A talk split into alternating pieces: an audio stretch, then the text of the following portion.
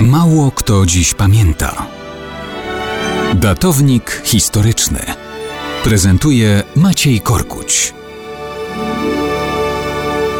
Mało kto dziś pamięta, że zaraz po ślubie w 1867 roku Fiodor Michajłowicz Dostojewski, znany pisarz i jego małżonka Anna Grigoriewna z domu Snitkin wyjechali z Rosji na zachód.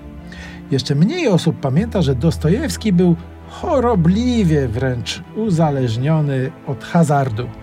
Ona, zachwycona jego talentem, wzięła go sobie z całym dobrodziejstwem inwentarza.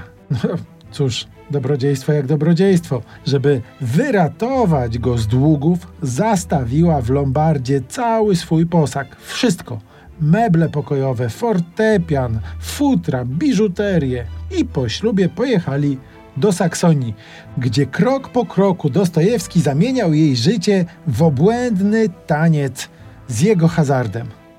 To wszystko z pokorą znosiła, skrupulatnie zresztą notując w dzienniku, kiedy Dostojewski coś zarobił, poszedł, przegrał, zaklinał się, że grać nie będzie, grał, przegrywał, znowu coś wygrał, zaraz potem wszystko przegrał. A ona go kochała. On sam wielokrotnie żalił się jej, że ten jego charakter to prawdziwy koszmar.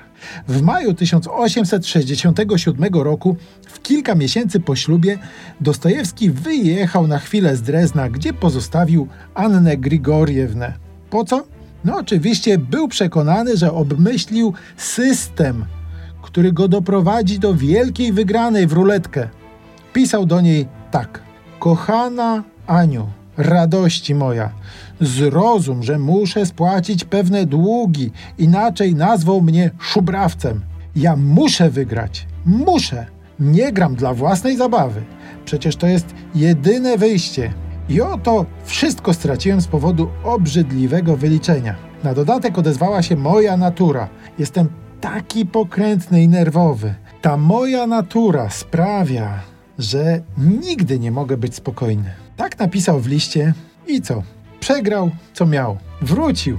Musiał pisać nowe powieści, aby zarobić, spłacić długi i znowu przegrać w ruletkę, wciąż licząc na to, że odnajdzie i ów niezawodny system i ową wielką wygraną, o której tak marzył.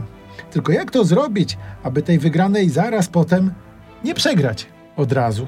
A może wielki pisarz Fiodor Dostojewski nie rozumiał, że tak naprawdę największą jego życiową wygraną była ta do bólu cierpliwa żona, Anna Grigoriewna.